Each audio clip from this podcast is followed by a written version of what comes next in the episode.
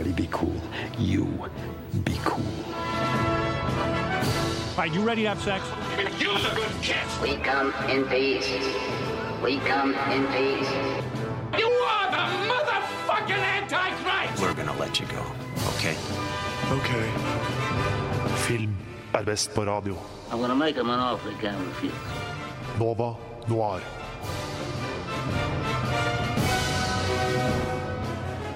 God torsdagsmorgen. Det er tid for litt filmsnakk med meg, Tage, og selvfølgelig mine kompanjonger Bjørn og Sara. Velkommen, velkommen. Tusen takk. Hallo, hallo, god morgen. Og velkommen selvfølgelig til alle dere lyttere der ute som tuner inn hver uke. Dere setter vi u uendelig pris på. Eh, det vi skal snakke om denne uken, det er jo selvfølgelig eh, Disneys mest eh, undervurderte filmer. Eh, Bjørn, hva er det egentlig som gjør en film undervurdert? Ehm, for meg så er det nok eh, to ting. Den har enten ikke fått nok omtale, eller eh, den har ikke fått så mye skryt som den fortjener. Og det er egentlig derfor vi vil snakke om det, fordi vi vil skryte av det. Ja. Eh, Sara, hvilken film er det du syns er Disney som undervurderte film? Jeg valgte Disney sin uh, Treasure Planet. Yes. Vet du hva? Jeg føler at Treasure Planet Det er den filmen som alle sier sånn Å, den er så bra! Ja. Og så er det veldig få som har sett den. I hvert fall jeg har ikke sett den. Men det er faktisk ganske mye interessant eh, til grunnen til at den er litt undervurdert, som vi skal ta opp litt eh, senere. Hva med deg, Bjørn? Hvilken film syns du er Disneys mest undervurderte film? Jeg har valgt filmen Taran og den sorte gryte, eller som det heter på engelsk, The Black Cauldron.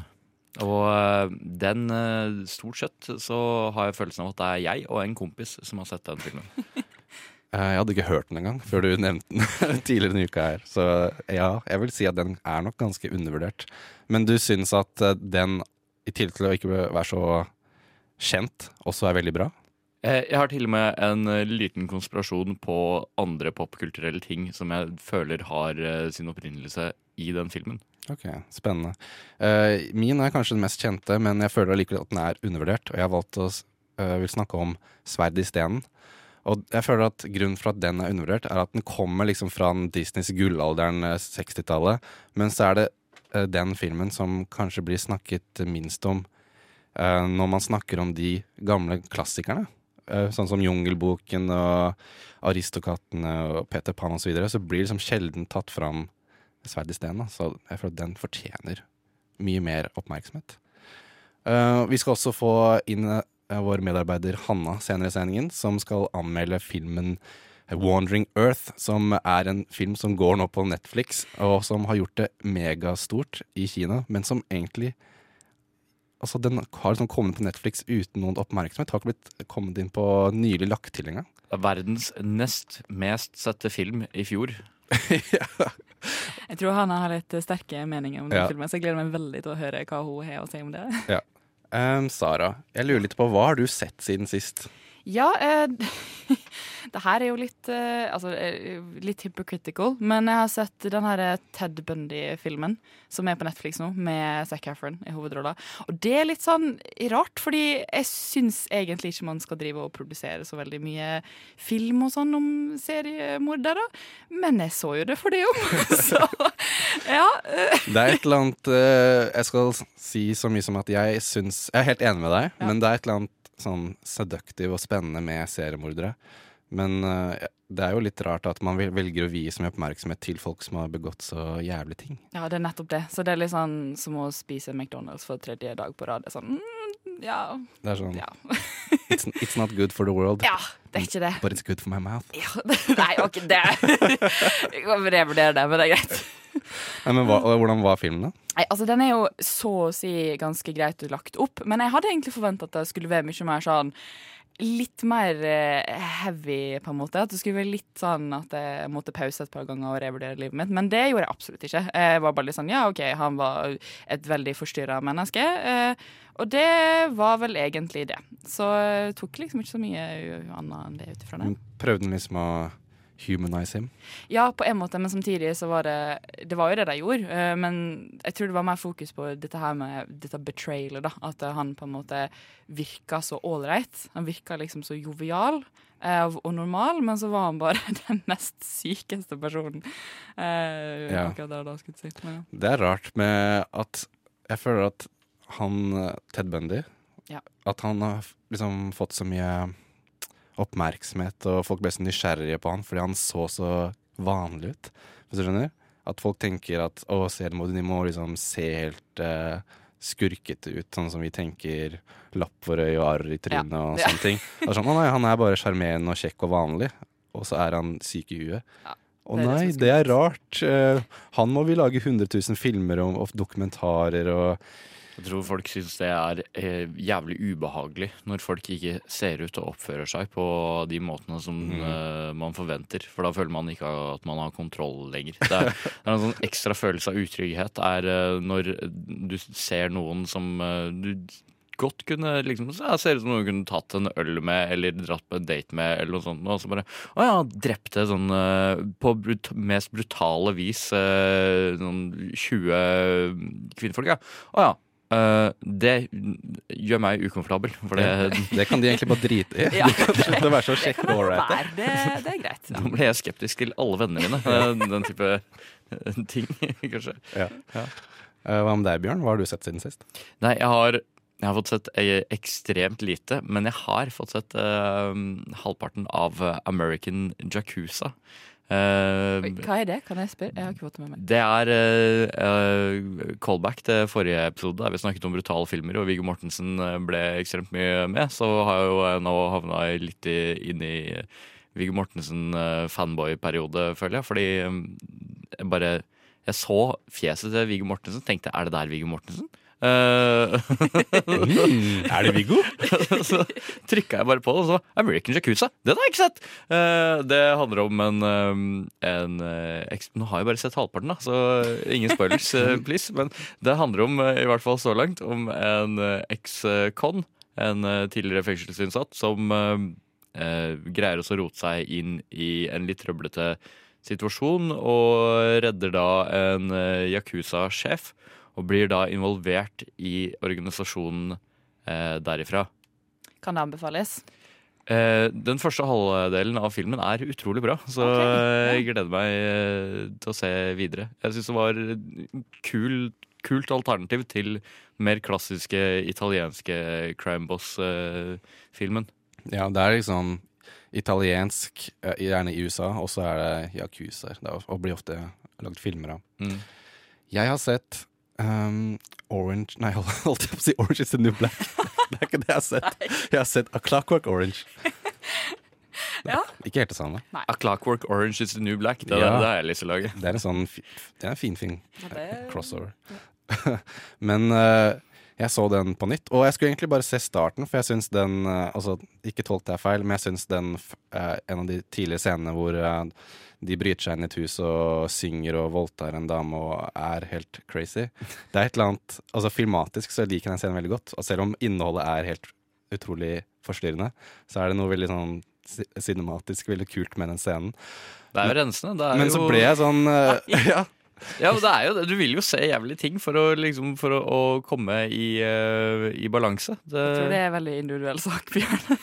Nei, det, det er jo fortellerteori. Det er jo eh, Aristoteles og eh, trepartsstruktur og Det er så utrolig deg, Bjørn, å begynne å nevne Aristoteles. Når vi snakker om film, hallo.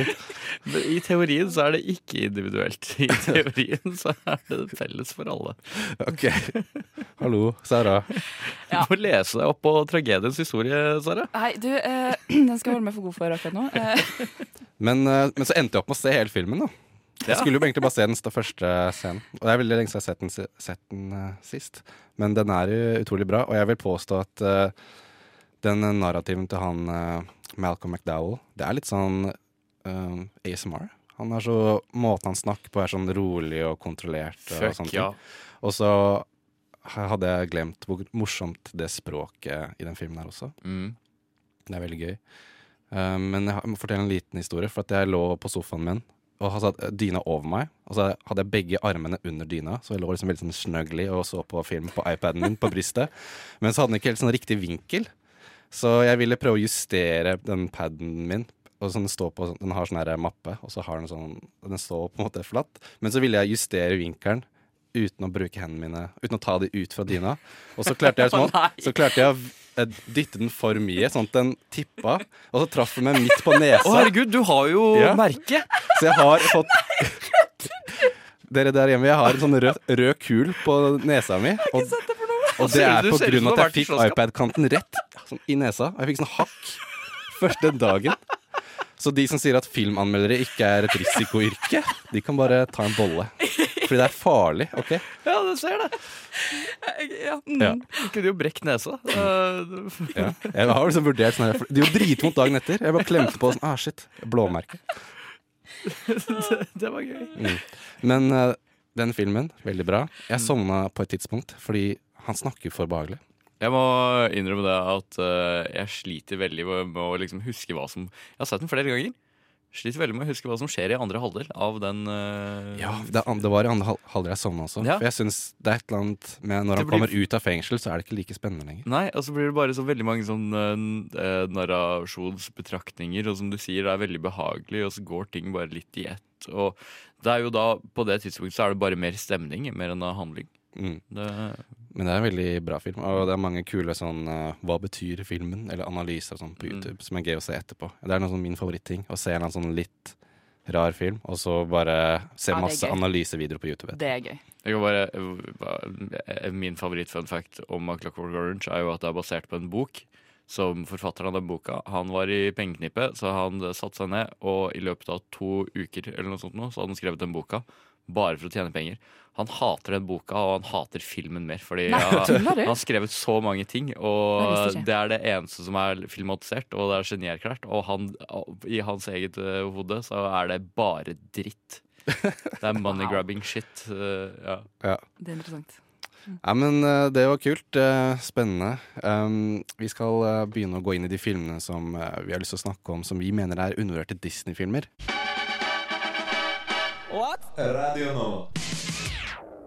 Du godeste Bjørn. Du Hei. har uh, valgt å snakke om en film som ikke så veldig mange har hørt om, kanskje? Nei, uh, shout-out til Erik, som er den andre som har sett denne filmen uh, her. Um, jeg har Taran og den sorte gryte, original tittel, The Black Cauldron. eh, basert på eh, en bokserie eh, som het eh, The Chronicles of Predane. Og jeg tror ikke, men jeg tror ikke det har så mye sammenheng med bøkene, egentlig, sånn som jeg har forstått det. Jeg har ikke lest bøkene. Men det handler jo da om grisepasseren, Taran. Og hans lille griseverge Nei, det er jo han som er vergen for Ja. grisen. Ja. Hans lille gris. ja, hans lille gris. Purka hans. Eh, og eh, kampen deres eh, mot eh, planene til den onde Bukkekongen. Som er eh, min personlige frelser. There once was a spirit so cruel that it was imprisoned forever in the form of a great black cauldron. Now, whoever gets control of the cauldron will rule the world and destroy it. These are our heroes, the ones that will save us. A fearless fighter. But I'm not afraid. Ouch! A princess, currently without a throne. Ouch! And a oh. lovable pest, Gurgi. Munchings and crunchings in here somewhere. Det er veldig 80-talls, eller gammeldags. Gurki Ja, det er en film fra 1985, hvis jeg ikke husker det helt feil. Men uh, eh, vi kan jo ta det først som sist. Jeg har jo utelukkende sett den med norske stemmer. Og den kan ikke ha blitt dubba i 1985, fordi eh, Aksel Hennie har uh, stemme til Gurki. Eh, noe som først gikk opp for meg eh, da jeg så den på nytt i går. Og uh, i 1985, da var Aksel Hennie ti år gammel, så eh, jeg tviler på at eh, det var han som hadde stemmen da. Så jeg regner med den har blitt eh, oversatt seinere ved en eller annen VHS-slipp. Ja. Ellers hadde han vært tidlig ute. Altså. Ja. Og det er jo da eh, Taran og den magiske grisen. Eh, Hva er det som er så magisk med den grisen? her? Den grisen vet alt. Det er en orakelgris. spågris. Det er, og jeg, jeg synes det, er så, det, er, det er så sjelden eh, du har liksom Hellegrisen Babe og den her, der uh, grisen kommer liksom veldig godt ut av det som uh, kult portrettert. Og det legger opp til så mange sånn, sånn Griseorakel er et begrep som blir brukt, og de skriker konstant når de prøver å fange Taron. Sånn der, Fang den grisegutten! Som jeg syns er veldig Det kan tolkes flere veier. det, så jeg bare jeg liker det veldig godt. Men det som, det som jeg virkelig liker med denne filmen her Ok, jeg kan bare ta det som en betraktning på undervurderte filmer. Jeg føler at eh, det som også kan få en film til å framstå som veldig undervurdert, er eh, hvis man liker den utrolig godt selv. Eh, da, da vil den alltid være undervurdert. Den her er jo ikke hørt om, og jeg elsker den, så den er ekstremt undervurdert. Jeg vinner undervurderingskategorien i dag. Konkurransebjørn. Men hvis det hadde vært så hadde jeg vunnet. Men uh, det er jo da bare en erketypisk fantasy-historie, egentlig. Uh, så det kan vel kanskje framstå som, eh, som litt kjedelig for eh, enkelte. Men Ja. for meg så er det helt eh, perfekt. Men Sara, du sa at du har sett den, eller halvparten for litt siden. Ja. Så du den på norsk, du også? ja. Hva, Det- hva, hva syns dere om dubbinga på norsk? Vi har ikke sett den på norsk. Altså, jeg la ikke så veldig mye merke til det, egentlig. Men uh, det, det er en sånn film som du sier at for noen så er den kanskje litt kjedelig. For jeg følte ikke så veldig godt med. jeg vet at det Uh-oh. Ja, nå er Bjørn sin Bjørn men vrir det kommer bare være. Men uh, Nei, for det, altså, det er på en måte Altså, Den er jo interessant, men jeg tror at hvis jeg hadde satt meg ned på en måte med intensjon om å faktisk se den, og ikke bare stømbla oppon den, så hadde jeg kanskje på en måte kanskje lagt litt mer i den, da. Men, eh, men på en måte, hva er det du Altså, hva er på en måte i plottet som gjør at du tenker at dette her, det har på en måte så god driv at det er så bra som du sier, da? Det er jo en perfekt hero's journey. Det er jo øh, den unge gutten med den øh, eldre Som er i lære hos den eldre vise mannen øh, med, som har masse erfaring, og så Man setter ut på ut på en reise for å løse en oppgave, og så går ting feil, og så må han redeeme seg sjøl. Og underveis så møter han liksom folk med forskjellige evner som hver for seg ikke fungerer så godt, men sammen som et team så blir de sterkere. Og alt det her rundt det for å liksom stoppe eh, store, onde krefter. Det er jo, det, det er jo litt synd vet du, at det ikke kom noe For det ble jo litt dårlig mottatt òg. Det kom ikke noe oppfølgere. Um, fordi bare det her med den eh, sorte gryta og den onde spiriten som er uh, liksom fanga i den, det er jo helt tydelig et ganske stort eh, univers, men alt du liksom får se, er jo den her første historien og stoppingen. Så er den, den er faktisk dritskummel. Det var en ting jeg ville trekke fram, for at eh, den er utrolig mørk. Og jeg ser, ser for meg at når jeg, hvis jeg hadde sett den da jeg var liten, Ja, så hadde jeg fått mareritt. det var veldig, eh, Det er jo Altså, det er et tidspunkt ganske tidlig i filmen hvor han tar han eh, blir angrepet av noen drager, og så ser du at han blør neseblod og sånn. Det er sånn wow. Ja. Dette er ganske ganske det det- edgy til å være Disney. Ja, for det var det jeg la merke til. Dragene. Jeg var sånn Hæ? Jeg burde ha visst om det her. Eh, Men eh, nei, det var det som på en måte fanga øyet mitt med den filmen. At det var masse drager der. Jeg sånn, okay. Ja, jeg tror det, Den, den framsto som kjedelig når den kom ut, og så har den framstått som kjedelig siden. Men så er det egentlig Jeg føler det er eh, epitomen av eh, Altså det er perfeksjonert eh, en perfeksjonert stereotyp, og da, da, det, da vinner det litt på det i min bok. For det er jo Altså med elementer som at det, er, det går fra det helt rene og uskyldige ned til det Altså en død armé og enorme kosmiske krefter, som de sier i Aladdin. Uh, jeg syns det er veldig, en veldig gøy sammensetning. Og så er det jo på slutten så er det jo et ordentlig Mufasa-øyeblikk der uh, som jeg blir rørt bare av å tenke på. Eh, Gurke, ingen bryr seg om gurke. Gurki, altså. Vet du hva, jeg må si en ting, Bjørn. For at jeg så jo ikke hele, men ganske mye av den i går. Mm. Og eh, det slo meg ganske tidlig at denne her filmen er basically Ringenes herre. nei, men Jo, ja, jo for at de har en ond kraft som er trappa i et, et eller annet, altså i denne sorte gryta. Ja. Og så har du noen eh, Og så har du på en måte en gutt hvor, som er en sånn liten sånn landsby som ligner veldig som eh, der de starter i De hobbitene bor.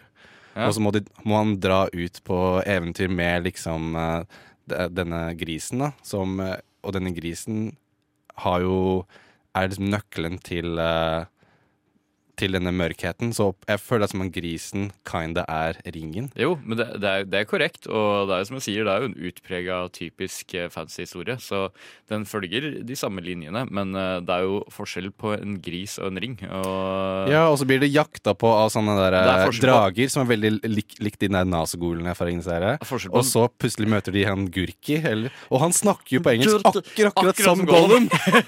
Hallo, det er Gollum. Men, jeg må, men det også, å ta det valget om den stemmen, det var jo noe som uh, ble gjort i forbindelse med innspillingen av filmen eh, i uh, 1998 eller noe sånt. Så, sånn sett så er det jo Ringenes herre-filmen som ligner på uh, Taron den sorte gryte i uh, så fall.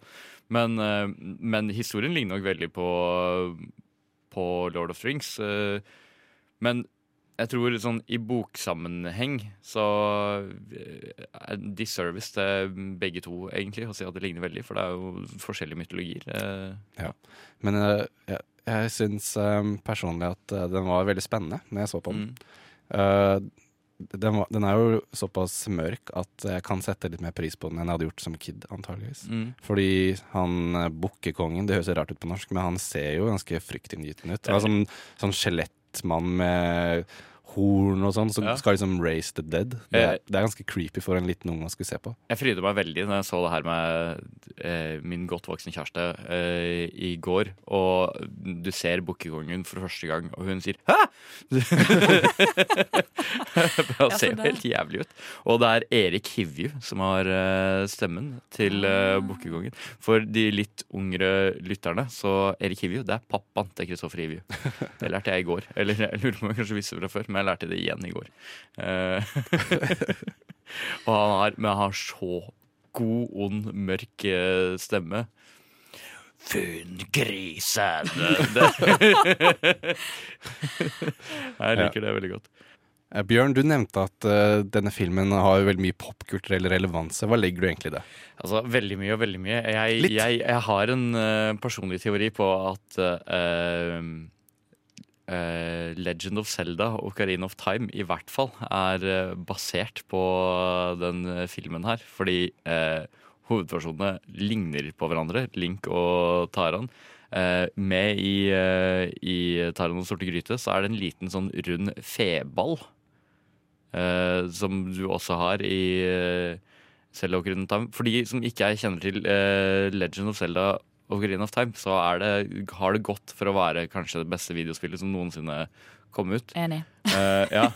uh, og det, det Du tok parallellen til uh, Ringenes herre. Jeg mener parallellene er sterkere mellom uh, Zelda-universet og, og Taran og den sorte gryte. Men sånne fancy ting de ligner jo gjerne på hverandre. De, de, de låner eh, mange av de samme elementene, og så lager de forskjellige historier. Det er kanskje akkurat der Taran er litt svak, er at den gjør ikke noe nytt. Nei. Den bare gjør det den gjør, veldig godt. Fordi eh, jeg har jo på en måte hørt og sett litt at eh, den filmen her skulle jo være den som skulle felle Disney. Fordi den var så dårlig. Ja.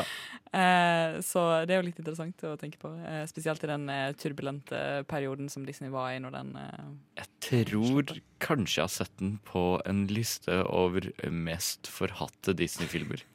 Men hvorfor det? Fordi at når jeg så den litt i går, så tenkte jeg at det her er jo ikke så ille. Mm. Den er jo mm. Men jeg kan skjønne litt, for at uh, som sagt, det er jo ikke en, det er en film som er ganske vanskelig å selge inn hos små barn, tenker jeg. Fordi at den er såpass uh, skummel. Altså Bare introsekvensen hvor det er sånn mørk stemme og forteller om liksom mytologien, og du ser liksom sånn skyggene av bukkekongen og Ja. sånne ting. Jeg ser for at masse kids allerede da i kinoen bare er sånn «Åh, Jeg vil ut derfra! Og så OK, bounce the hell out. Ja, det er, og det er nettopp derfor man egentlig burde tvinge barn til å sitte se den. Sånn at de får uh, velrundede karakterer uh, som uh, tåler mye forskjellig. ja, Men du som foreldre må jo deale med det her etterpå. Ja, ja, ja. Det er jo din plikt. Uh, jeg husker at Jeg, altså, jeg syns den her uh, Tornerose-filmen Ja. dritskummel Ja. da jeg var barn. Og den her er jo mye verre. Ja, du, men eh, ja, du var jo så vidt Nei, ja, eh, det var vel eh, ja, Det var noen andre i stad som var uh, før sending som var inne på den derre med brødristeren og greier. Da jeg jo så den filmen jeg var kanskje fem år gammel, traumatisert av de ballongene som forsvinner ut i verdensrommet. Da, jeg tror det er kanskje da jeg fikk høydeskrekk. Fordi Ok. Jeg bare hater den tanken på å så liksom bare falle for alltid, eller i det tilfellet stige for alltid. Men når det stiger ut i verdensrommet, så faller du også, fordi det er ingen retning. Og motsatt til å stige for alltid, så husker jeg når Olsenbanden Junior kom ut, og da, den der under, går under vann. Altså, jeg trodde jeg, trodde jeg skulle Ja! Altså, teknikeren nikka til meg, ja. Det, altså, det var så sinnssykt. Jeg har vært redd for dype sjø, hav, åpne hav. Altså, det er for helt- luft? Ja, den får helt tetta. Det er blir innestengt i en liten kapsel som et barn og bare blir sendt ned i sjøen liksom, av noen i- onde forskere. Ja. helt tetta. Det, det er to ting eh, det er, det er to måter å bli traumatisert på, føler jeg. Det er, eh, den ene måten er å skape en eh, frykt for irrasjonelle ting, som eh, I hvert fall hvis du bor i Norge. Ikke andre steder i verden, men i Norge så er det ganske irrasjonelt å være redd for edderkopper. Fordi norske edderkopper er ikke farlige. Eh, Ja, men de ser skumle ut. Ja, det, er sikkert, ut. det er sikkert eh, Genetikken vår klarer ikke å skille forskjellen på en farlig og en eh, snill, holdt jeg på å si, edderkopp. Genetikken vår Ja, men det, En kompis.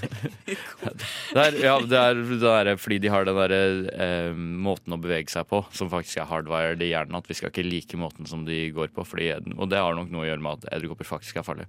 Men i Norge så er det eh, irrasjonelt å være redd for edderkopper. Eller eh, irrasjonelt å være redd for tomater. Den type ting. Men, Eh, men jeg tror liksom det med eh, når barn ser på film Så jeg husker i hvert fall for min egen Men jeg må få fullføre okay. resonnementet. Men så på den andre siden så kan du bli traumatisert uh, for å være redd for uh, grådighet og, onde menn og sånne ting. Det er ikke irrasjonelt. Jeg, jeg er redd for høyder. Det er rasjonelt. Fordi hvis du faller ned fra en stor høyde, da dør du. Eh, så det, jeg føler det er liksom sånn type eh, Ta heller og så vis barna dine tar an noen sorte gryte, så sørger du i hvert fall for at de får de riktige traumene. Eh, Peiler Ok. dem på riktig Er det litt brannfakkel, det, kanskje? ja, Ja, men det høy- tror jeg er litt brannfakkel. Men da er jeg ferdig med resonnementet mitt.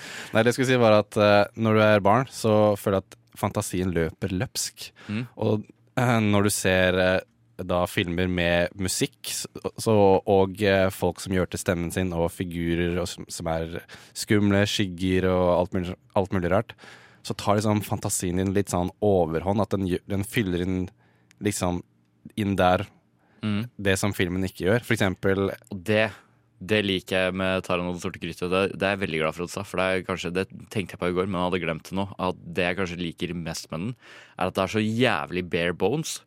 Eh, du kan fylle inn så mye du, altså du får ikke vite noe om historien til bukkekongen, eh, egentlig. Hvilke andre mørke krefter som kanskje lurer i det universet her. I kontekst av filmen så er det bare den grisegutten og, og noen og bukkekongen, eh, liksom. Og allting høres rart og underlig ut. Jeg, jeg, det digger jeg. Orakelgris, eh, sånne fine ting. Jeg liker Men- veldig hvordan den grisen her eh, er et orakel. Det er sånn, det stikker snuta si i vann, og så bare kommer det masse Ja. Men, Men- skru på TV-en, basically. Poenget der er egentlig at jeg tror den filmen her bare vokste og vokste i eh, hodet mitt. eh, på bare det å spekulere i hva ellers som finner ut. Og eh, bare igjen, shout-out til Erik. Jeg fikk inntrykk av at det samme hadde skjedd i hans hode når vi snakka om den sikkert ti år etter at vi hadde begge hadde sett den for første gang. Men får vi vite noe om hvorfor spågrisen er en spågris? Nei, jeg tror ikke det. Nei. Den bare har magiske evner. Ja. Og den eh, Jeg syns det, er- synes det er gøy, for at uh, den grisen ser veldig alminnelig ut, men måten det gir den personlighet på, er at den har litt sånn uh, lange mye mimikk og lange øyevipper. Ja. eh, og da, og da, Jeg tenker meg at det er jo en Og det heter henwen på engelsk, hva heter den på norsk? Henwin. Henwin, ok. Mm. Fordi jeg føler at det er jo sånn Det er en jentegris. Det må være en jentegris. Det er sånn ikke jeg tolka det, i hvert fall. Kanskje det er en tidlig både vegansk og eh, transprogressiv eh, film. Det, det, det kan du fylle inn med hodet ditt sjøl. Det er det som er så fint med, sånne, med litt sånn understated uh, fancy ting, er at du, du kan bygge opp veldig mye annet. eh. Mm. Jeg hadde en diskusjon med noen på, om det her for ikke så veldig lenge siden. At jeg liker når jeg ikke blir forklart alt. Jeg blir bare vist ting, og så må jeg skjønne sjøl hvor sette det i system. Det er jo, og det er jo kult når du er barn også. Og jeg er ikke Jeg tror på et tidligere tidspunkt i det programmet her så har jeg sittet og hatt et langt resonnement om eh, hvordan, hvorfor man burde ta ansvar for hva barna ser. Jeg må også si det at eh, jeg tror ikke det å beskytte dem for alt som er skummelt og, altså, Taran eh, og Den sorte gryte den er skummel, men i veldig, veldig kontrollerte eh, termer. Så det er jo skummelt når du ser på den, men det er jo en barnefilm, så det slutter jo dritbra. Eh, så du kommer deg gjennom den der eh, ondskapen eh, i god behold. Så det syns jeg, jeg er forsvarlig å vise til barn. Og, men jeg var også det barnet som Jeg likte jo stort sett eh, den skumle barn- barne-TV-en, sånn Kaptein Sabeltann og Hufsa-delen av uh, Mummitrollet. Og, Og grusomme Gabriel i Kaptein Sabeltann. ja, Grusomme Gabriel i Kaptein Sabeltann. Var- Gir meg frysninger ennå. Uh, og du, det, er- det er litt rart, for man ser jo ikke skrekkfilmer når man er barn, men det er veldig mye som, et, som er ment for barn, som på en måte vekker de samme følelsene. Mm. Altså, greit nok at det ikke er eh, vold og ting, men du ser som eksempel Bukkekongen i filmen her, da. Mm. Det er jo ment at han skal være en skummel figur, på samme måte som man kanskje ser The Nun, og så åh, The Nun er skummel. Men forskjellen i de filmene er at det blir sånn enda mer stimulert av musikken og jump scares og sånne ting. Det Men var veldig god musikk i- Men det var faktisk en jump scare i Taran sorte gryte så langt jeg kom. For at når han kom inn i det slottet, Ja. så driver man og sniker seg rundt for noen vakter, og så plutselig så dukker det opp en bikkje rett i ansiktet hans, og, og så kommer det en sånn veldig høy bjeffelyd. Og jeg, jeg lå i senga og så på den, og jeg skvatt. Jeg det er- jeg fordi- sånn, det er jump scare. Det er ment for Det er en skrekkfilm for kids, det. Det er det jeg prøver å si. Det er en skrekkfilm. Jeg, jeg, sy- jeg synes det var veldig gøy, for når jeg så på det, så var det, det, er, det er ti år, om ikke mer, siden sist jeg så den uh, filmen. Og jeg husker den så godt, fordi liksom, idet den jumpscaren skjedde, så, var det, så kom det, ramla det bare ut av eh, liksom, eh, munnen min sånn derre Hold kjeften bare! Ja, det er det mannen sier til bikkja også. Han sier i hvert fall noe veldig lignende det. så det sitter så jævlig trygt inni. Men det skal jeg også Jeg jeg skal bare fortsette på det resonnementet mitt om hva som er greit og ikke, vise, ikke greit å vise til barn. Fordi jeg var jo mye redd da jeg var liten for de forskjellige tingene her. Eh, Men jeg klarer jo ikke å se på skrekkfilm, for det er ingenting som har gjort meg redd etter at jeg ble eh, sånn ti. Det, da var jeg ferdig med å være redd for, eh, TV-underholdning. Du Jeg kan- pika med Taran sorte gryte. jeg kan bli spent, jeg kan være nysgjerrig, interessert, men det er ingenting som er skummelt lenger. Eh, boliglån og uh, midtlivskrise, det er skummelt. Ja. Og det er det ikke nok skrekkfilmer om. Nei.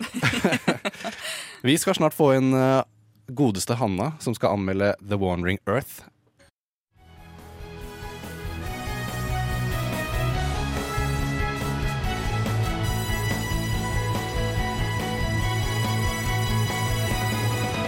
Nova Noir presenterer ukas kinopremierer. Nå er det dags for litt anmeldelse, og vi har fått inn eh, selvutnevnt AC-ekspert Hanna inn i studio. Hei, hei. Velkommen. Tusen takk. Eh, Du, For litt siden så kom det en eh, film inn på Netflix Ja. som var kanskje noen an, Jeg vet ikke om den uh, tredje eller andre mest sette filmen i verden Nest i fjor. mest sette filmen Ja. i verden i fjor. Ja. Men så har den bare sniket seg inn på Netflix, og så vet ingenting Folk vet ikke at den er der engang. Nei, eh, det er dessverre gjerne det som skjer med asiatiske filmer nå til dags. Det er, eh, det er fryktelig trist, men eh, dette er da filmen eh, som heter The Wandering Earth. Det er en eh, kinesisk film regissert av Fran Frant Quo, som tidligere har regissert tre andre filmer. Og den er basert på en bok ved det samme navnet, som er en av eh, Kinas mest populære bøker i tillegg. Så det er jo ikke rart at denne den har på en måte blitt litt sammenlignet i Kina med hvordan Lord of the Rings var her i Vesten. At det er utrolig mange som har lest boka, og som da deltar i filmopplevelsen også.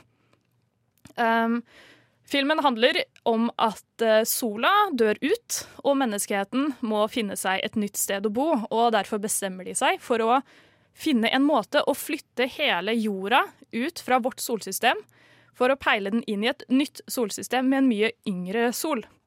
Eh, Og for å gjøre dette så har de bygd svære raketter rundt ekvator og på baksiden av jorden, for de har stoppet rotasjonen på den. Og så Du må ikke begynne å le allerede, Sara.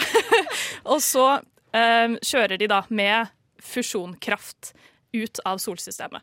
Dessverre kommer de ikke særlig langt før eh, det skjer problemer. De er nemlig på en kollisjonskurs med Jupiter, fordi de hadde tenkt å bruke Jupiters gravitasjon for å svinge seg rundt hele planeten og få med litt fart på vei ut av solsystemet.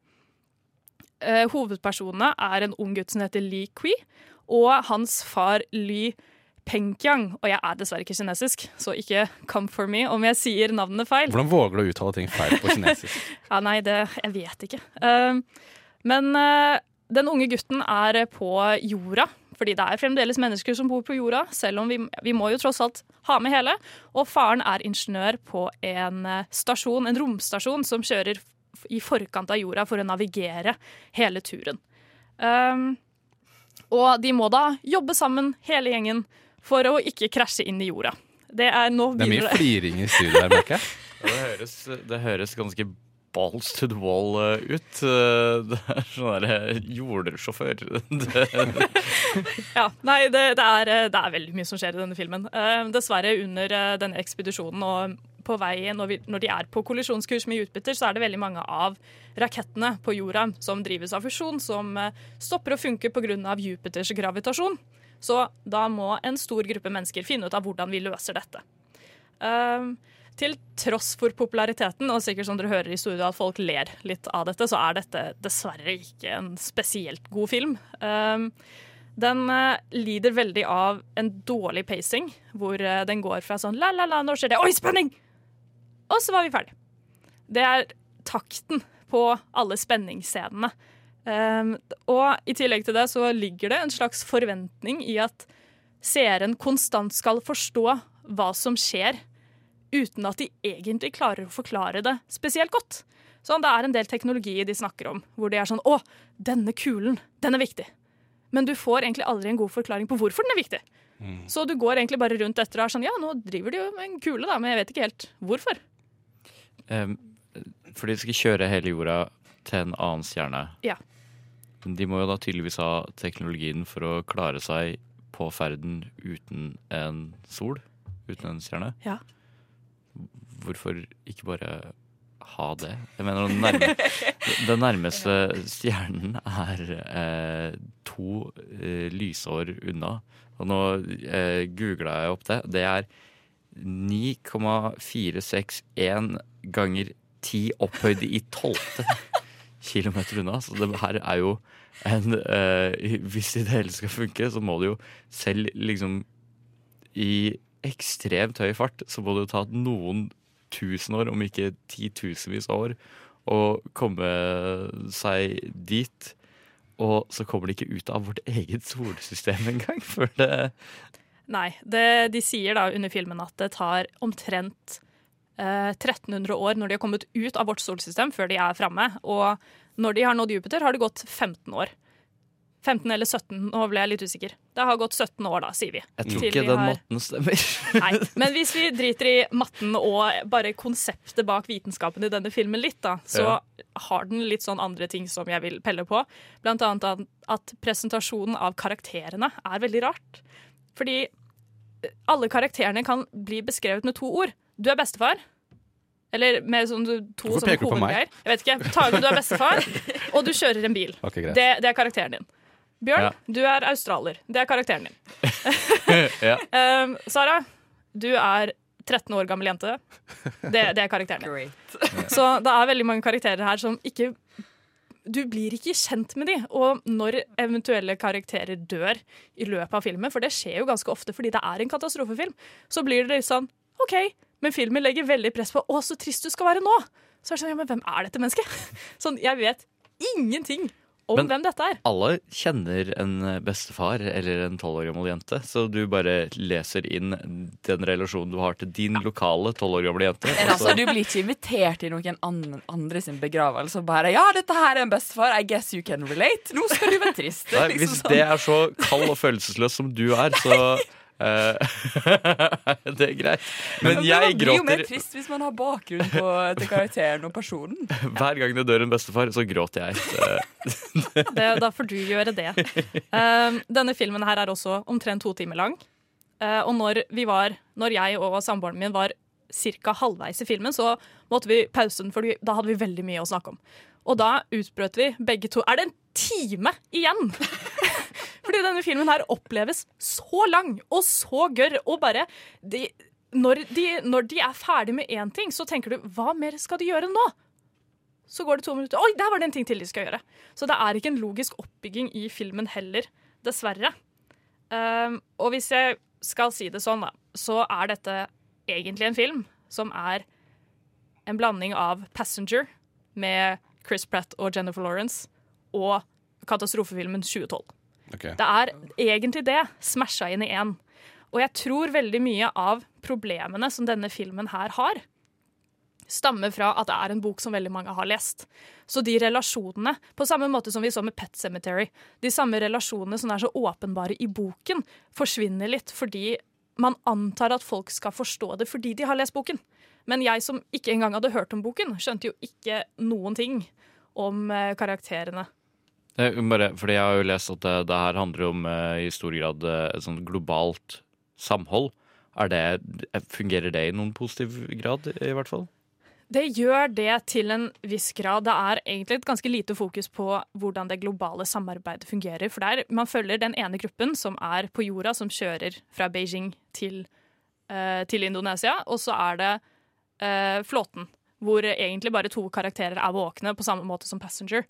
Så det globale aspektet er dessverre ikke helt til stede på den måten jeg antok at det ville være, før helt på slutten av filmen. Men på det punktet hvor det liksom blir litt relevant, så er man ganske lost på hva som skjer. Så det at de kommer og er sånn 'Å, skal vi også hjelpe til?' Det forsvinner litt i eh, Ja, det forsvinner litt fordi du skjønner egentlig ikke helt hva som foregår.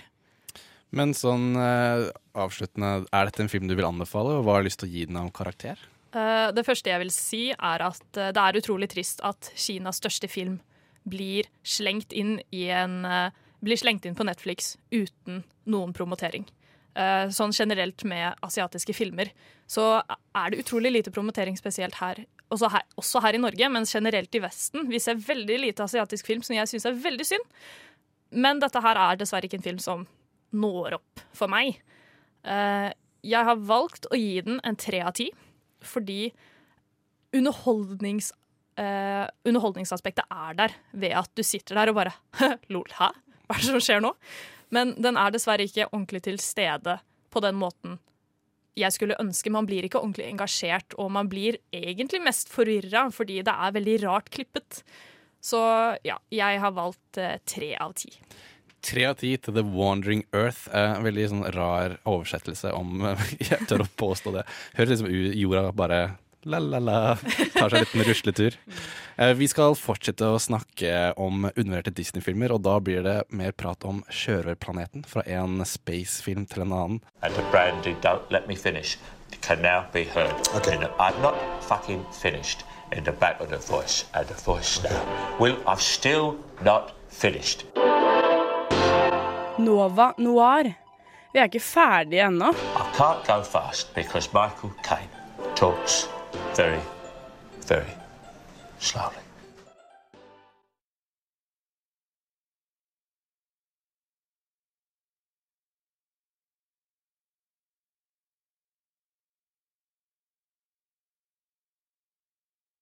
Sara. Ja. Sjørøverplaneten. Fortell Ja. meg, hvorfor er denne filmen eh, undervurdert i dine Dette her jeg gleder meg ganske masse til å snakke om, faktisk. Eh, altså, Sjørøverplaneten er en av de filmene som Når jeg først så den, så tenkte jeg sånn Hva er det her? Hvorfor veit ikke jeg hva dette her er? Og den er fantastisk, men jeg opplevde at veldig mange av de andre som jeg kjente, ikke visste heller hva det var for noe. Eh, men litt av bakgrunnen til eh, til eh, Sjørøverplaneten, eller Treasure Planet. Eh, det er jo en Disney-film som ble først eh, sluppet i 2002. Eh, og det, vi følger på en måte hovedkarakteren Jim, da, som vokser opp sammen med mora si, som driver The Ben Bow-In. Em, og faren har da forlatt han, da, og det er en ganske sånn crucial del av filmen, som er med på å gjøre den så bra som den er. Em, en dag så krasja det et eh, sånn sjørøverskip eh, nær huset der, da, eh, med en sjørøver som heter Billy Bones, som er en ganske sånn berykta sjørøver, og han gir han en sånn kule av et slag, som viser seg da å være kartet til Treasure Planet. Altså sjørøverplaneten, som er sagt til å på en måte ibo en skatt som er ut av grand proportions, liksom. Eh, så vil jeg på en måte bare trekke fram først og fremst at uh, filmen eh, var jo på en måte jobba fram av Ron Clemets og John Musker, som er på en måte Disneys sånn superduo. De har jo tidligere jobba på filmer som Lille havfruen og Aladdin og Hercules. Eh, og de pitcha jo egentlig Treasure Planet lenge før de begynte å jobbe med disse mer kjente Disney-filmene. Eh, men de bare fikk aldri sjansen til å på en måte starte å jobbe på den. Eh, og de inngikk en deal med at hvis de på en måte fullførte disse fem filmene først, da, da skulle jeg få lov til å på en måte jobbe med drømmeprosjektet deres, som er Sjørøverplaneten. Eh, og hva skal jeg si da? Det er på en måte de, Fordi de ville ta Treasure Island, som er en ganske kjent eh, barnefilm, eh, og putte den i rommet. det er bare sånn, det er det vi vil gjøre. Bok. Ja, bok. Beklager. Ja, bok. en treasure. Men det er også en adoptasjon. Disney har også adopter, adoptert boka i en live uh, Ja, den har også sett. Når jeg tenker meg. Mm. Eh, og så eh, kom de med den ideen. Eh, og der er hovedsakelig seks grunner til at jeg mener den filmen her er så bra som den er. Eh, det er blant annet i åpningsscena. Eh, så det er bare en av de beste karakterbuildinga, eller hva jeg skal si, som jeg har sett i en av Disney-filmene. Fordi det lille Jim som sitter der og liksom ser på denne her boka og hører om denne treasure, altså treasure planet, liksom, og der er så mange detaljer i det rommet som tilsier at han er fullstendig obsessed med denne her eh, legenden da, om planeten. Eh, og det er en av de mest sånn smoothe overgangene, for den hopper plutselig tolv år fram i tid. Og den overgangen, den er fantastisk. Det er så bra laga. Uh, I tillegg så er jo dette her, hele filmen er jo satt i en slags sånn her eh, sci-fi, uh, litt sånn raffinert steampunk-stil, som jeg, jeg elsker det. Jeg syns stilen er så kul. Eh, og de har på en måte gjort det litt sånn, litt sånn 70% sci-fi og 30% Victorian-stilaktig, fordi eh, det har tatt en litt mer sånn varmere approach til eh, space og til rom og tid og sånn. Eh, der eh, de bor på en plass som heter er Eteriumet, som er en halvmåne, som er også en by. Som også har på en måte altså, luft du kan puste, da. Der er på en måte ingen felt rundt, eller du kan på en måte seile gjennom universet uten å tenke på at du ikke kan puste. da. Og det også er bare sånn, det er akkurat det som er Disney-magi for meg, å gjøre på en måte, bare drite litt i det tekniske, matematiske, og bare tenke sånn, tenk hvis, og så bare lage et eventyr ut av sidestykket ut av det.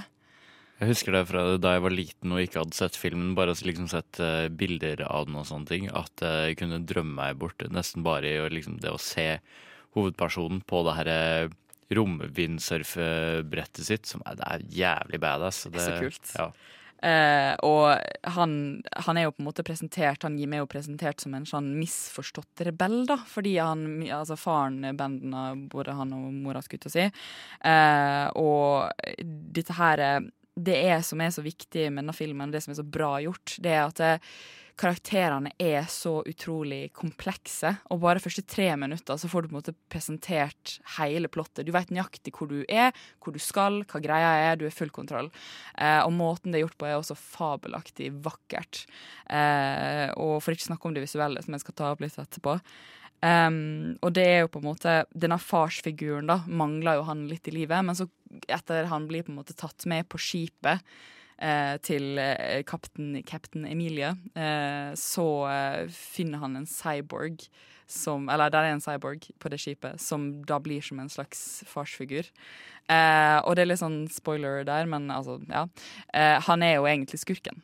Eh, og det er jo det som er så interessant. Hva skal man velge? Skal man velge å gå for skatten, som de begge to har drømt om hele livet sitt, eller skal de gå for å utvikle det vennskapet og det forholdet som de på en måte har så god base til å bygge? da?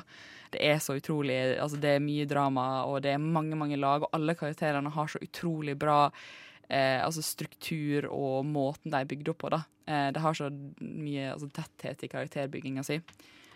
Um, I tillegg så må jeg bare nevne Morph, den lille rosa geléklumpen som kan, eh, som kan er, Han er en sånn shapeshifter. Han er sånn comic relief sidekick som er bare den beste lille åh, Jeg elsker han.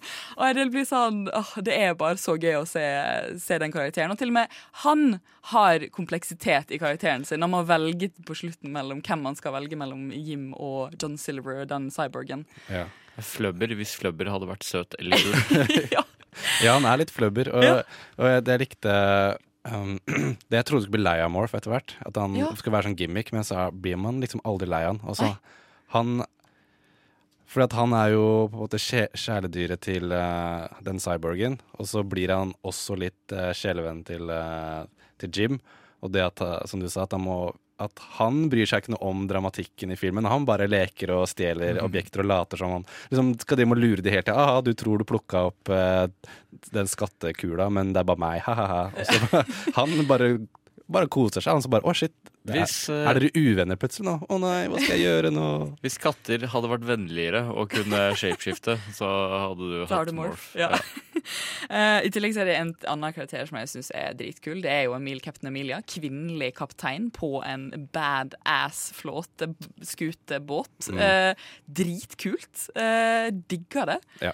det er. Um, ja. Og så um, til slutt så vil jeg bare nevne på en måte måten filmen er laga på. Fordi Disney har jo på en måte testa ut litt ting tidligere, men denne filmen her var den filmen som i størst grad brukte både 2D-animasjon og CG animation og sånn deep canvas-teknologi. som gjør at noen av de scenene i den filmen de, er så forut sin egen tid at det er helt fantastisk å se på. Og men så tenker jeg liksom, men denne filmen som er så bra, har så mange gode point. Hvorfor, hvorfor, gjorde, den så, hvorfor gjorde den det så dårlig, på en måte? Og det skal jeg snakke litt om etterpå.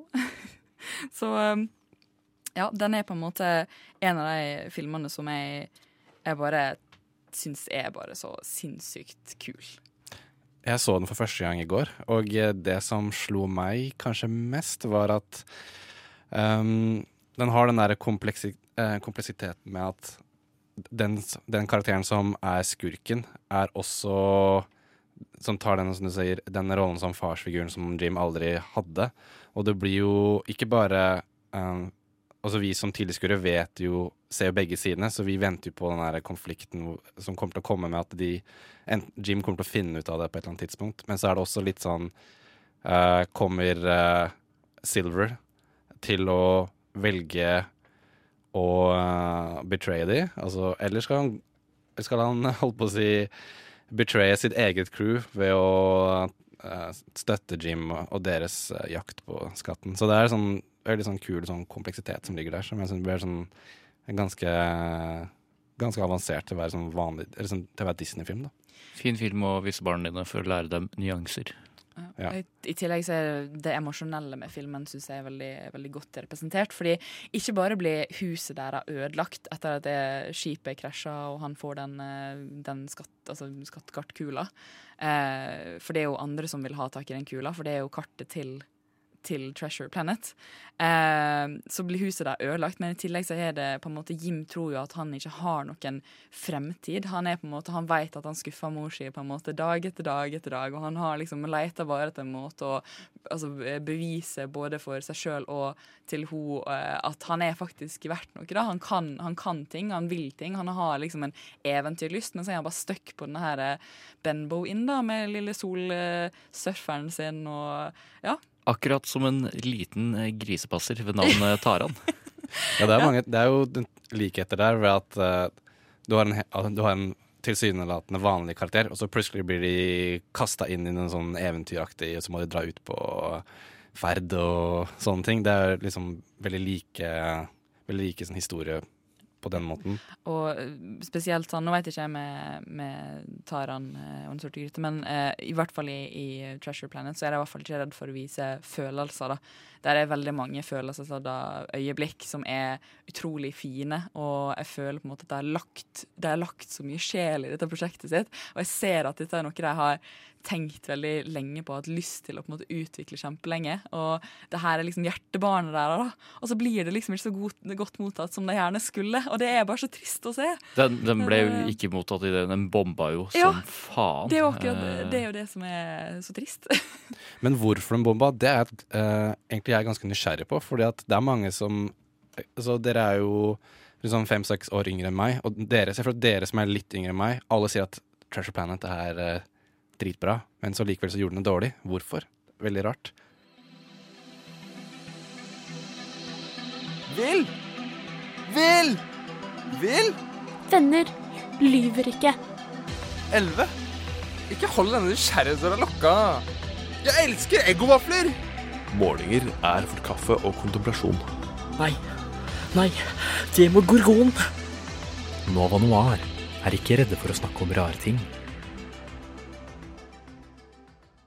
Eh, Sara, hvorfor tror du at Treasure Planet ikke gjorde det så bra? Ja, nå skal du høre her.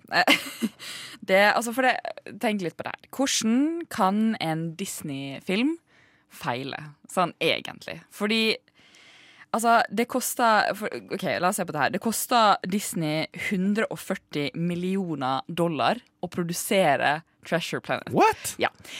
Ja. I tillegg så kosta det dem 40 millioner eh, som de brukte på markedsføringen av filmen. der Er det i tillegg, da? Ja, i tillegg. Så vi er oppe i 180 millioner kroner nå. Hvis jeg, ja. Og så tjente den 105, hvis Eh, jeg ikke ja, eh, den fikk inn eh, faktisk bare 109,5 ah, millioner eh, dollar. Eh, som resulterte da selvfølgelig i et kjempetap for Disney. Eh, men altså, da tenker jeg liksom, hvordan får du til? Når du er relativt kjente skuespillere som er stemme, sånn som for eksempel eh, Joseph, uh, Joseph Gordon-Lewitt og Brian Murray og Emma Thompson, for eksempel.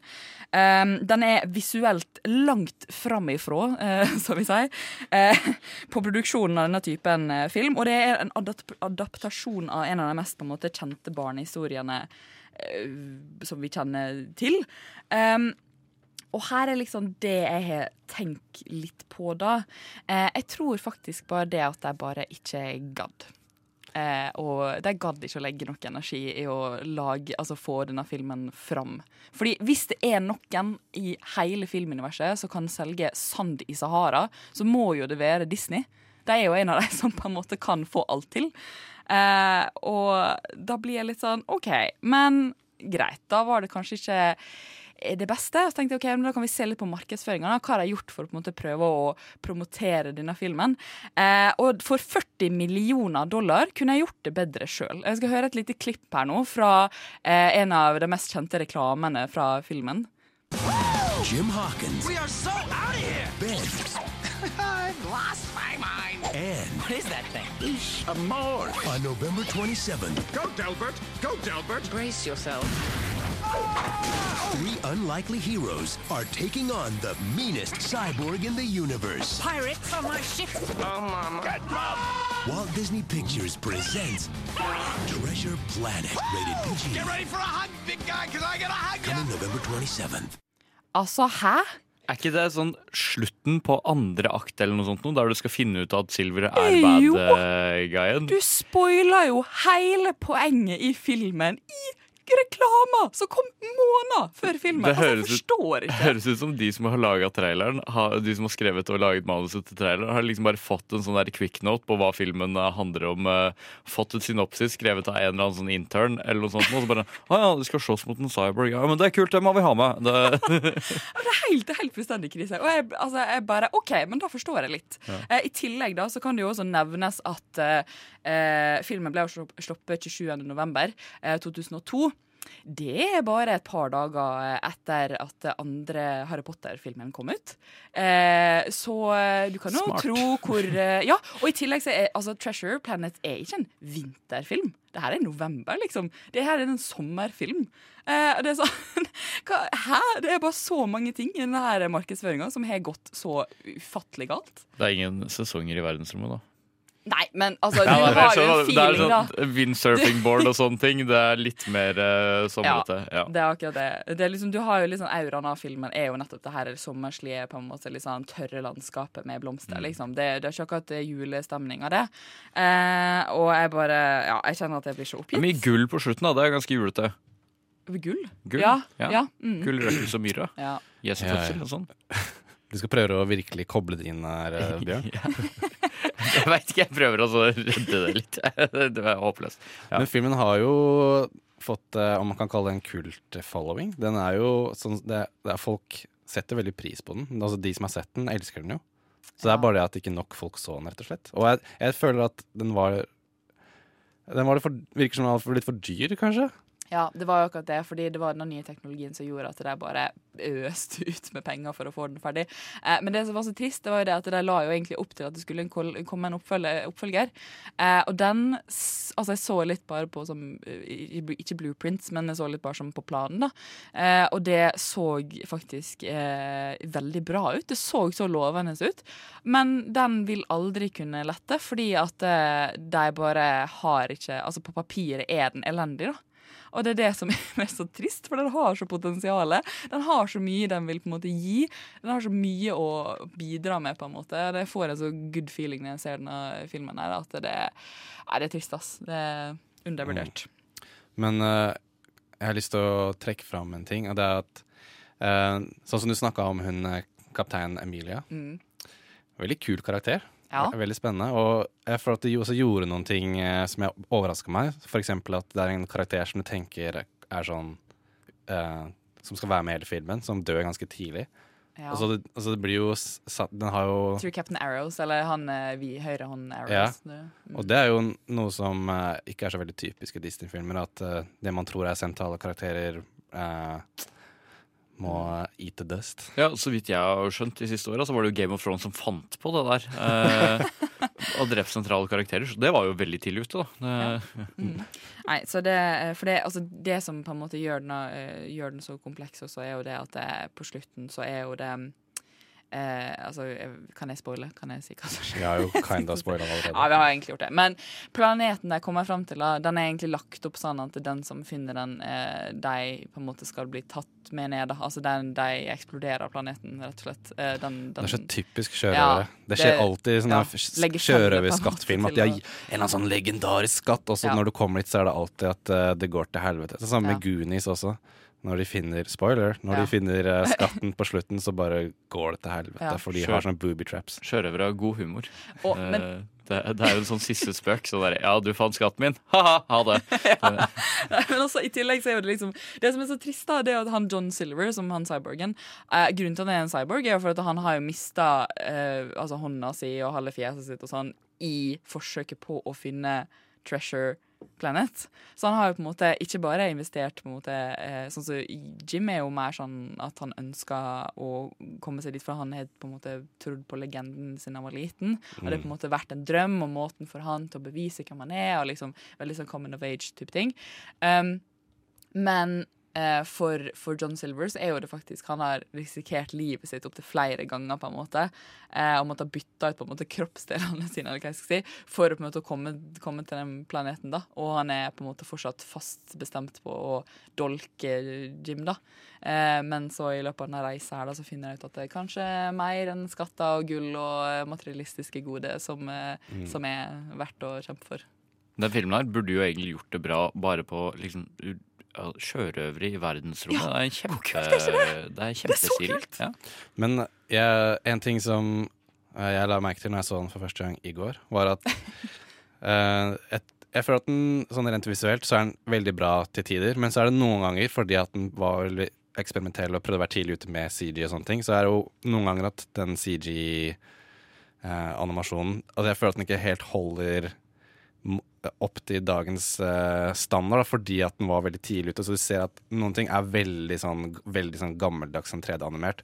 Så hvis du bryr deg veldig mye om sånne ting, så kan du jo bli tatt litt ut av opplevelsen av det. Men jeg følte at historien og karakterene veier på en måte opp for det. sånn at den burde ha Folk kan sette veldig, veldig pris på den nå også. Og akkurat i den perioden som den ble sluppet, så var det litt sånn strid. Fordi at eh, fra de begynte å jobbe på filmen, til de slapp den, så hadde jo eh, Disney vært gjennom to forskjellige formanner eh, innenfor altså, altså, firmaet, eller hva jeg skal si, bedrifter, eller ja, eh, som, som gjorde at begge de to ulike personene hadde jo ulike visjoner for hvor de ønska at Disney skulle gå. da. Så du hadde jo sånn som Atlantis ikke sant, og Treasure Planet, og så kom jo Lilo Stitch, og liksom litt sånn den feelingen der. Men på grunn av det så ble det litt sånn mismatch av og til. Sånn så der er et øyeblikk der er noen sånn Space Whales, som er sånne gigantiske hvaler. Yeah. Og det er det er ganske dårlig utført sånn, vel, sånn grafisk, rent grafisk, men ideen og tanken og på en måte det visuelle potensialet som det har, da, er liksom så fint at det er, liksom, er det greit på en måte. Det kunne Mm. vært gjort bedre, men det er greit. Ja. Jeg så den ble nominert til Oscar for beste animerte film, men vet du hvem den tapte mot? Nei. Chihiro og heksene. Åh, Oi, men det er Ja. faktisk ganske spennende. Ja. Ja. Mm. Så det er jo interessant hvis den, de hadde kommet ut på forskjellige år, om den hadde vunnet eller Ja. ikke. Å, herregud, nå merker jeg jeg fikk skikkelig krise. Nå, Jeg prøvde også å sammenligne de to, prøve å finne ut hvem jeg liker best. Fordi begge to er jo liksom mentale eh, animasjonsfilmer i min personlige historie. Mm. Mhm.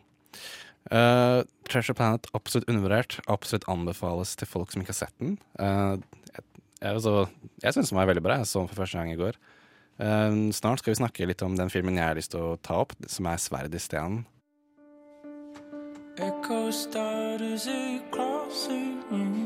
Jeg heter Sofie Helin. Nå hører du på Nova Noir. 'Sverd i stenen', den syns jeg er undervurdert. Det er min film. Og eh, mange tenker at den ikke er undervurdert, kanskje. Jeg vet ikke hva dere tenker om det.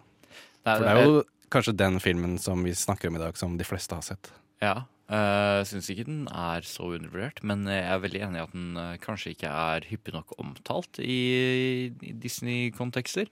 Jeg vet at jeg så den da jeg var mindre, skulle jeg si, men jeg har liksom ikke bitt meg merke i den i noe mer enn at jeg har sett den. Ja. Um, Men det er at jeg vet ikke om dere var sånn når dere var små, men jeg følte det var veldig, det er veldig sånn typisk når vi var eh, barn, at man hadde fått et x antall VHS-er som kid. Ja. Og så fordi det ikke fantes Netflix og sånne ting, så hadde du ikke alternativer. Så da ble det bare Du så sånn de samme filmene om og om og om igjen. Så mine filmer var Jungelboken og Sverd i sten. Og jeg tror jeg har sett den filmen sikkert 100 ganger. Aladdin eh, tar av noen sorte gryte, men den sa jeg bare hos mormor, for den var det hun som hadde. Uh, og ja, det er flere, men eh, ja, Toy Story. Ja, Ja, mm. den jeg husker jeg hadde og The Fox and the Hound. Den er trist, ass. Eh, ja, den er trist. Den er også worthy of a mention. Eh, og så eh, og Jeg tror faktisk det var sånn Beauty and the Beast eller noe sånt. Ja. Ah, ja, To gode venner. Den hadde Ja, jeg to også. gode venner, det er det helt på norsk. Ja. Mhm, ja. Eh, bare liten eh, Jeg så Sverd i scenen da jeg var liten. Og så så jeg den igjen eh, da jeg ble eldre. Og så innså jeg først i en alder av kanskje 20 at det ikke finnes noen oppfølger. Det gjør ikke det? det for den hadde jeg leita etter i alle år. Fordi jeg føler at uh, Sverd i scenen legger så jævlig opp til For det er jo begynnelsen. Så er jo liksom en stor, stor intro. Det er jo origin-storyen til Arthur. Eller, jeg har, eh, vi skal snakke om at den er uh, undervurdert. Uh, så, så et negativt aspekt ved den for min del er jo at det er jo en eneste stor intro. Så sånn sett syns jeg nesten den er litt frustrerende. For jeg har jo altså, Han blir jo konge, det er kult, men jeg har jo ikke bare lyst til at han skal bli konge. Jeg har jo lyst til at han skal eh, vinne kongeriket og kjempe mot onde krefter og sånne ting. Og i kontekst av filmen så er det jo ikke så mye han som gjør det. Det er jo mest, uh, det er jo mest Merlin mot uh, Magica fra Tryll. Um, ja, vi kan komme litt mer inn på det. Uh, men jeg vil først si grunnen til at jeg valgte denne filmen, var fordi at i Den her kom jo i 63, og da Det er jo innenfor den såkalte Disney-gullalderen. Og i den konteksten så føler jeg at det, det her er en av de filmene som blir minst prata om og blitt, sitt, eh, blitt satt minst pris på i nyere tid. Og det er jo den eneste filmen som ikke har fått noe sånn live action eh, og heller ikke fått eh, sånn DVD-platina-utgivelse engang. Så det er jo Og den tjente ikke så bra. Ja, den tjente penger. Jeg tror den ble lagd for sånn 3 millioner og tjente inn 22 i USA. Men i forhold til f.eks. For Jungelboken, som tjente 140 millioner på sånn ish samme budsjett, og har fått eh, mye mer kjærlighet og sånne ting, og eh, så syns jeg den er undervurdert, rett og slett. Og eh, jeg liker jo en underdog-historie, og denne Arthur, som vil bli Jeg vet ikke om han har lyst til å bli sånn uh, knight. Det. ja. Knekt, holdt jeg på å si. Ridder. Ridder. Ridder, ja. Men han er jo bare en sånn Som storebrødrene driver og hater på han, og han er bare en sånn puslete fyr. Litt sånn mannlig versjon av Askepott, om man kan kalle han det. Men så møter han jo Merlin, da. Men jeg tenker liksom at denne filmen er jo egentlig altså Det, det vitner jo litt om at den faktisk er ganske god. For hvis du tenker på alle altså adaptasjonene og på en måte andre typer serier og utspring som kommer fra denne filmen, så er jo det veldig sånn Ja, Marilyn, ikke sant, og, og Arthur og alt dette her. Det er jo og de er jo godt produserte, på en måte. Eh, så det, historia er jo absolutt av interesse, da. Så syns jeg han er veldig kul, for eh, han møter denne Marilyn, som er en trollmann. Så har eh, altså Marilyn veldig kul karakter. Han er sånn whimsical eh, trollmann som er litt senil, samtidig som han er, har veldig sånn mektige magiske krefter. Og det syns jeg er veldig gøy. Er litt sånn uh, humlesnurr før humlesnurr. Ja, bare mer distré. Eh, Ja. Han er jo den erketypiske gamle akademikeren. Eh, sånn for opphengt i eh, sitt eget hode og sine egne studier til Mm. å helt, helt være i kontakt med hva som foregår rundt ham. Og så digger jeg Arkimedes, som er en ugle hans. Det Ja. er en av de beste Disney-karakterene Er som ikke får nok kjærlighet. Anders Hatlo som har Ja. på Og- Det er jævlig bra prestasjon, Mm. eh, faktisk. Det, det, det, det, det, det burde vært kåra, liksom nominert og vunnet pris eh, for den tolkningen der, syns jeg. Men jeg tror en ting som uh, går gjennom for meg når jeg, vi skulle lage denne sendingen, var at jeg liker filmer hvor Anders Hatlo har stemmen. Mm. Fordi han har en sånn morsom, unik stemme, og for meg så er det er som hans stemme er barndommen min, basically. Jeg valgte jo eh, den her fremfor Oliver og gjengen, for at den filmen er egentlig ikke så bra, merka jeg når jeg så den på nytt igjen. Men han er jo spiller da uh, har stemme til hun Tito i den filmen, som er sånn litt rappkjefta liten bikkje. Det er bare et eller annet med stemmen hans som bare er så unikt. Ja, han, men han, er i stand til, han har den sjeldne evnen at han er i stand til å leve gjennom stemmen. Altså, det er som om eh, stemmen hans eh, tiltrekker seg mer gravitasjonskraft og har mer tyngde og dybde, enn de, mer tekstur enn det de fleste andre stemmer har. Mm. Eh, det er en, en sabla talentfull fyr. Og så blir det litt kasta bort, føler jeg, på Firestjerners middag. Sjøl om jeg syns det er underholdende også. Så ja. Det er jo fint å ha en hverdagsjobb, da. Det Ja. Må, noen må gjøre det òg. Ja, noen må gjøre det også. Men eh, det som også var veldig kult med den filmen, er at det er den siste filmen som ble som Di- Walt Disney faktisk var med og produserte for, mens han levde, fordi han døde under eh, innspillingen av åh, Nå husker jeg ikke hvilken film det var som kom etterpå. Men den neste filmen Han Mm. døde midt under innspillingen av den, så her, den her er jo den siste filmen som Walt Disney faktisk var med å lage.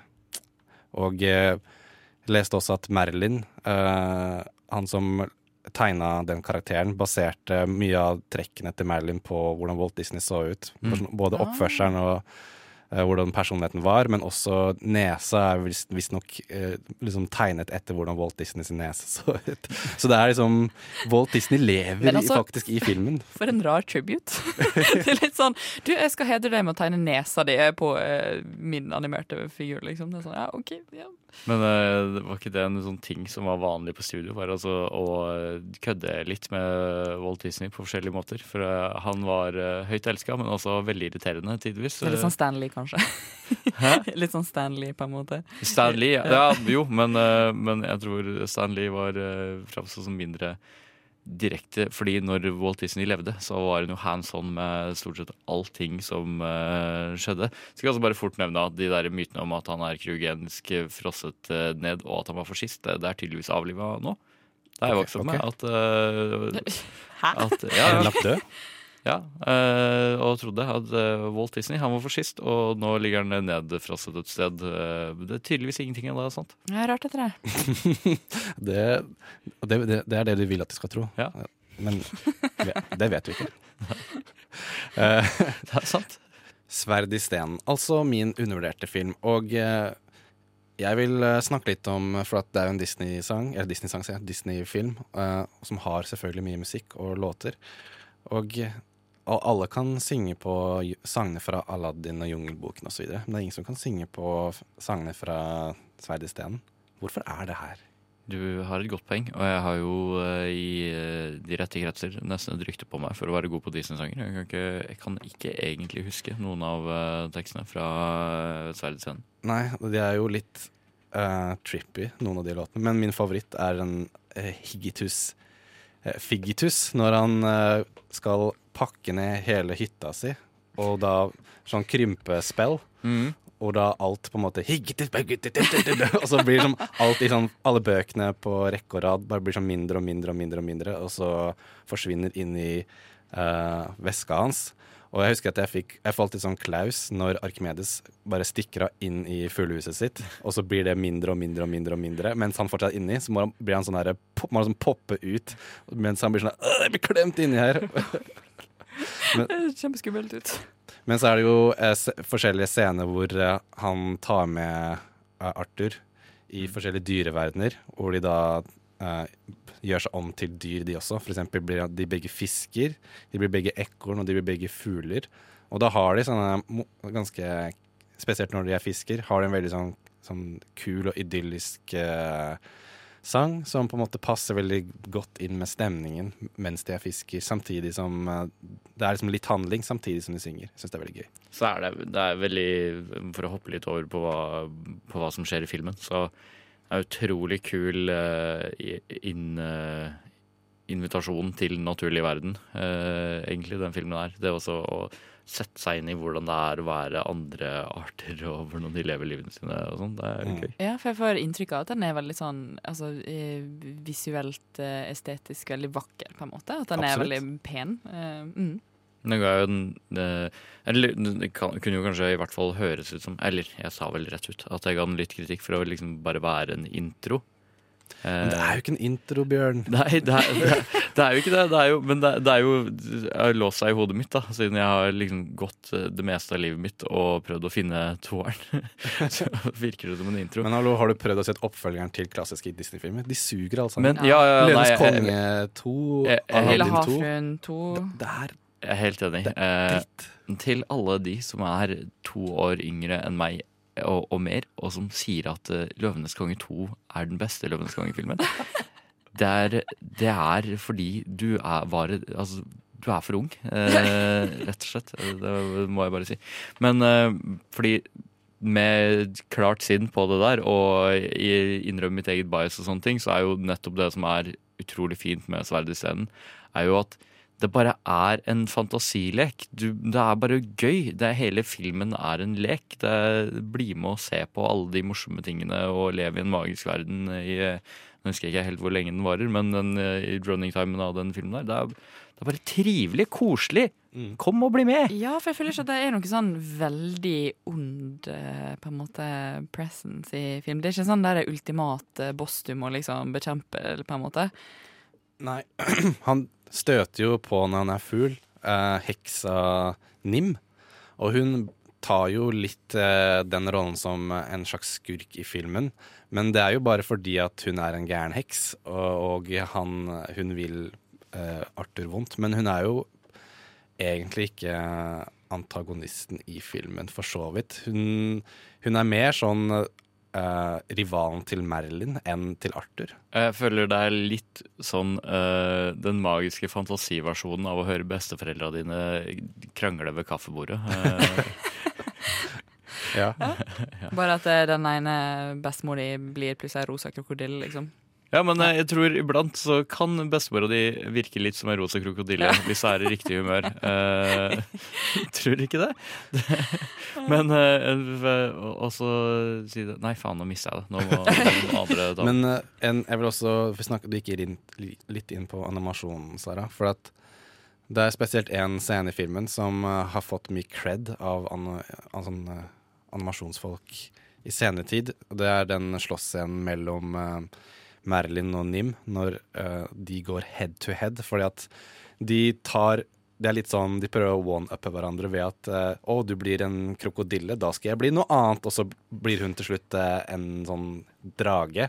Men mens de shapeshifter gjennom denne kampscenen, så beholder de fortsatt Du kan fortsatt hele tiden se at de er De har noen sånne personlighetstrekk mm. ved seg selv som de klarer å beholde. For eksempel så ser vi nå her på, inne i studio Teknikerne har funnet fram et bilde hvor eh, Nim er en sånn rosa krokodille, men hun har fortsatt håret sitt og øynene sine.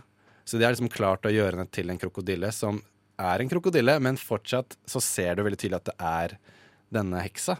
Jeg mistenker at det er en alligator, men derom eh, Ja. etterpå. OK, Bjørn. Greit. Greit, Bjørn.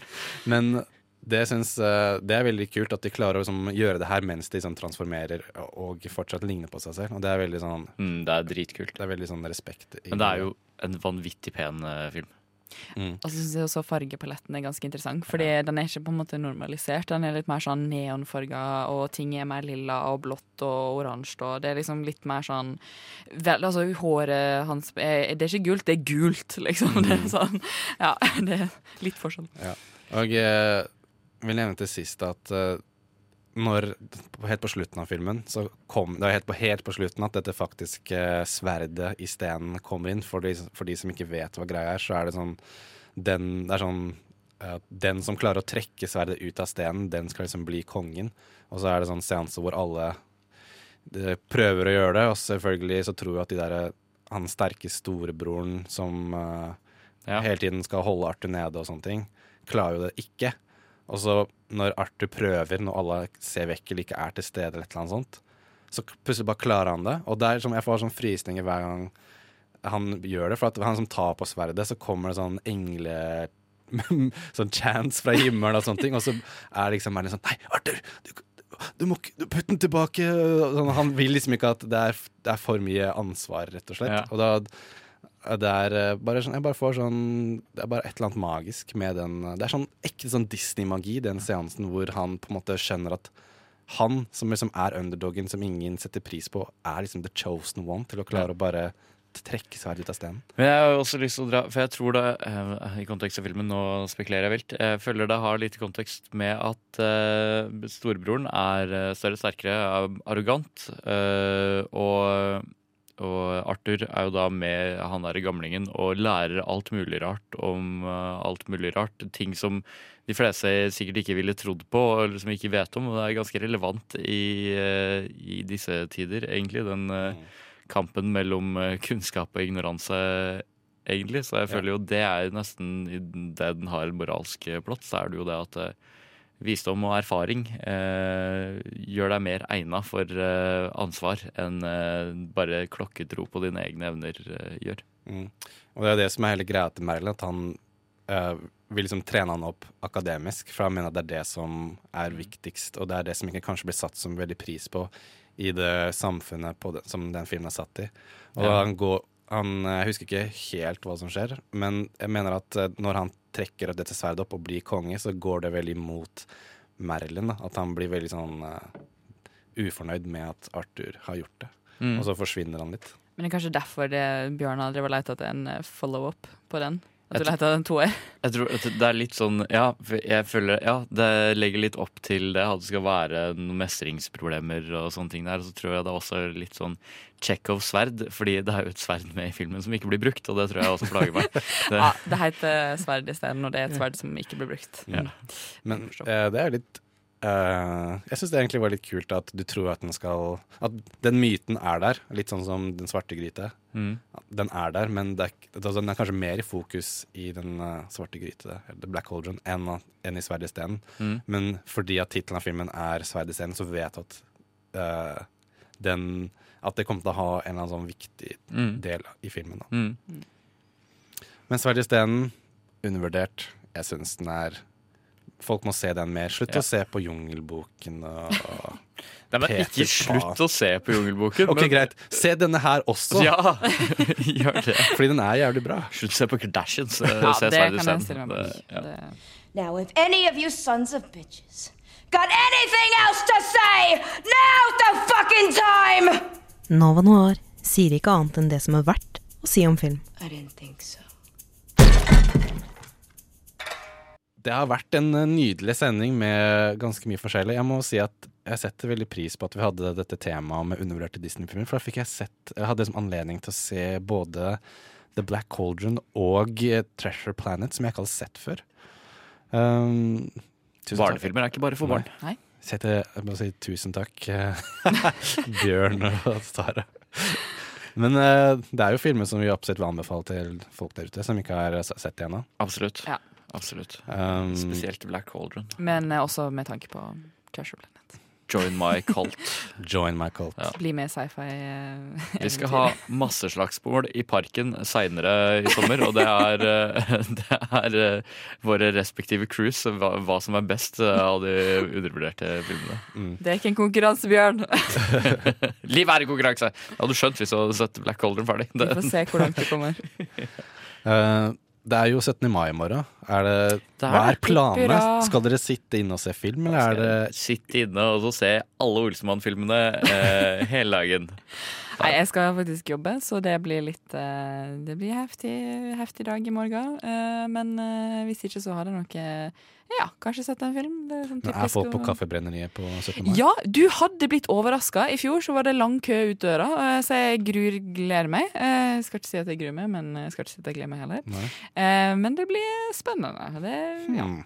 Yes. Det var ikke jeg klar over i det hele tatt, at folk går på kafé på 17. Jo, mai. veldig. Folk må ha kaffen sin hver dag. Det er nordmenn det er snakk om. Det er Yes. Kaffe er viktig. Jeg skjønner jo det når du har små barn med sånne der små Ja. sånn tuter og sånne ting som jeg fikk da jeg var liten. Da må du ha kaffe. Ja. Det, jeg skjønner Ja, det. bare for å keep it going. Keep it going.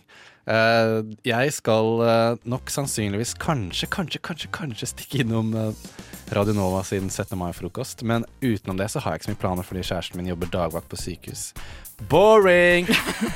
Jeg skal, Men viktig. Veldig ja. viktig. Ja, I motsetning til begge, begge dere to, så skal jeg feire så det buster i hele morgen.